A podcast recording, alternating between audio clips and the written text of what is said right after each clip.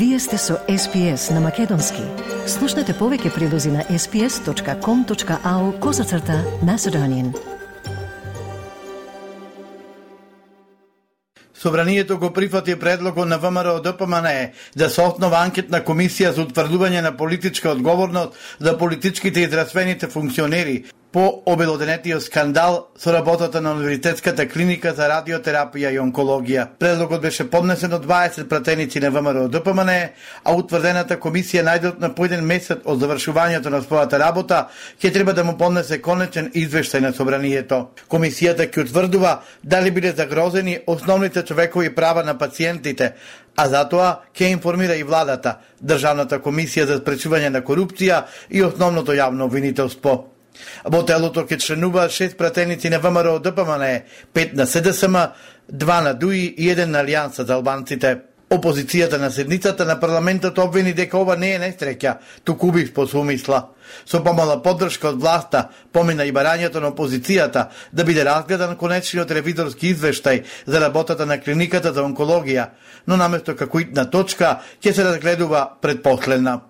Пратеничката Дафина Стојановска од ВМРО ДПМН, особраниската говорница рече дека власта со ова бега од дебата за одговорност на сите инволвирани.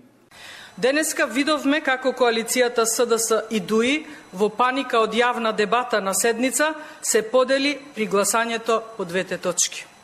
Но неколку минути подоцна, на предлог расправата да биде втора точка, Соочени со фактот дека треба веднаш да се отвори расправа на која ќе мора да објаснат зошто ги игнорирале наводите од извештајот и ќе мора да одговорат зошто владата на Ковачевски не превземала ништо за пронајдените сомнежи, коалицијата повторно профункционира и сложно одлучија да избегаат од расправа, па така оваа точка ја оставија да биде 22. Председател на парламентот Тала Джафери на седницата ја обвини опозицијата дека во сите скандали бара политички поени. Јас ве разбирам, од секоја несреќа сакате да си правите дневна политика, терајте си така. Во терајте, терајте, нема проблем. Апсолутно немате проблем и покрај тоа што материјалот не сте го доставили на време.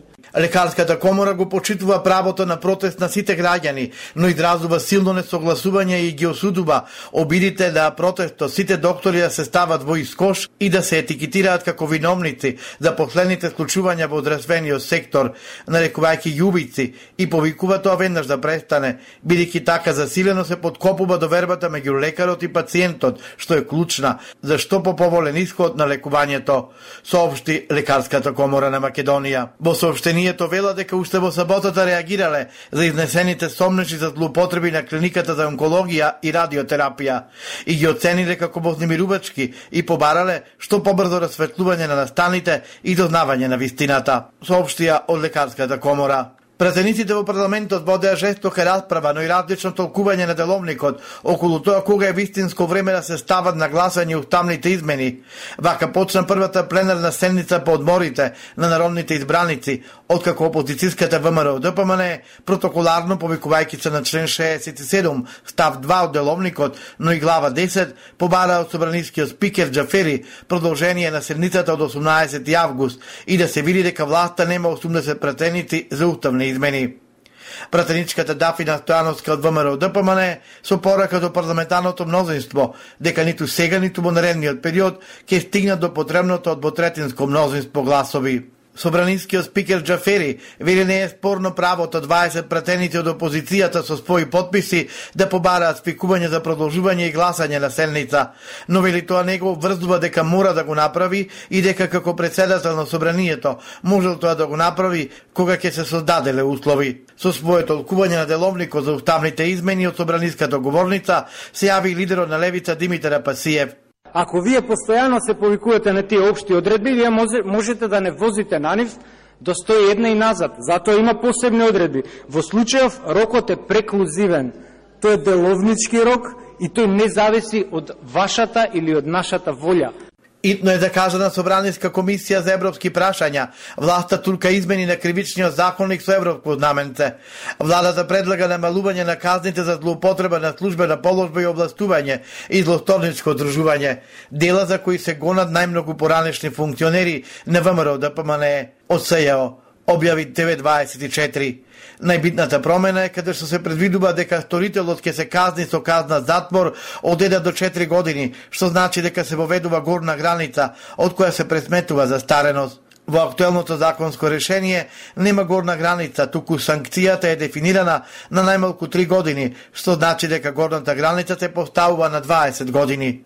Во врска со делот за злосторничко одружување со предложените законски измени се предвидува дека пропишана санкција до 10 години се намалува на до 3 години, додека санкцијата пропишана на до 5 години во ставот 2 се намалува на до 2 години.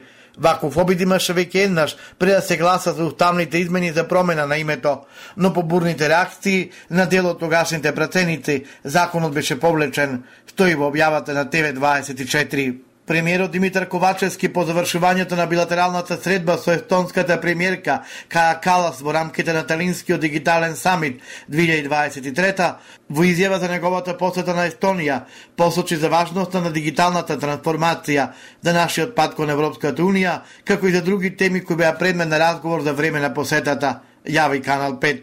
Исто така разговаравме и за соработката која што ја имаме во делот на, на дигитализацијата, на на Северна Македонија во голем број на, на аспекти, со оглед на тоа дека Естонија е една од најразвиените држави во делот на дигитализацијата.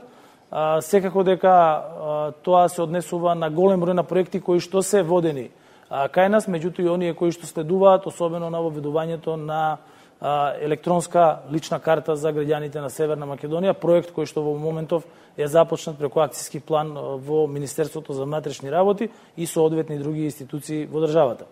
А, ние исто така а, сме во фаза и на пристапување кон Центарот за извонредност за сајбер безбедност, а, кој што е практично дел од НАТО, меѓутоа е сместен во Естонија и многу наскоро ќе ја видиме и Северна Македонија, односно експертите од нашата држава кои што ќе бидат присутни во однос на унапредувањето на сајбер безбедноста во нашите институции.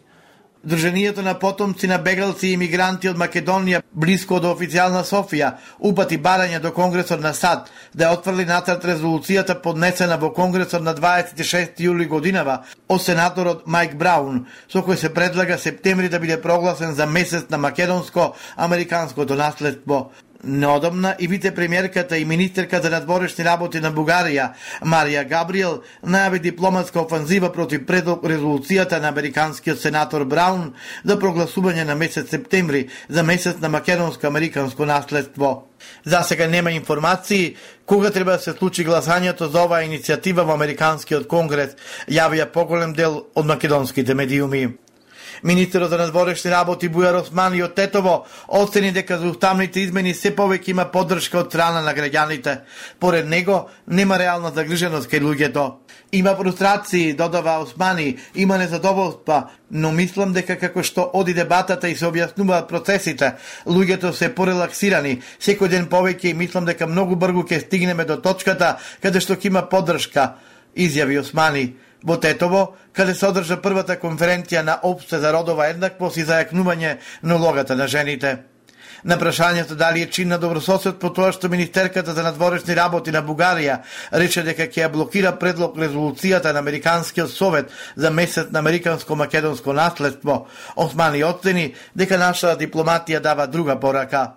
Цитирам, Нашата дипломатија си ја врши својата работа, односно дека сме активни на сите полиња за да ја промовираме македонската култура, меѓутоа и билатералните односи со сите држави во светот. Резолуцијата во германскиот Бундестаг беше продукт на една таква проактивна дипломатска активност. Како што кажав, уште тогаш работиме со неколку држави со цел да има една верижна, ако можам да кажам, реакција на држави во зајакнување и на тие културни врски, потенцира шефот на дипломатијата Османи, а објави веб порталот Либертас. Училиште во Турција ќе се вика Македонија, а 32 училници ќе бидат именувани по македонски градови. Турската влада одлучи да и се одолжи на земјава за хуманитарната помош која испрати веднаш по катастрофалниот земјотрес која погоди државата пренесува ТВ24. Веднаш по катастрофалниот земјотрес кој ги поголи Турција и Сирија, Македонија се мобилизираше да обезбеди хуманитарна помош. Десетина пожарникари помагаа во потрага по преживеани, а беа собрани нешто повеќе од 63 милиони денари, од кои речеси 51 милион денари ќе се намена за изградба на училиште, додека пак 12 милиони денари ќе добие црвената полумесечина за помош на настраданото население во Сирија. Македонската одбојкарска репрезентација беше убедливо пора поразена од фаворизираната селекција на Холандија со 3-0 во рамките на групата С на Европското првенство, од кој еден дел се одржува во Скопје. Последниот петти меч во групата Македонија ќе го игра денеска среда од 20 часот по македонско време против Чешка. Сакате ли да чуете повеќе прилози како овој? Слушате подкаст преку Apple Podcasts, Google Podcasts, Spotify или од каде и да ги добивате вашите подкасти.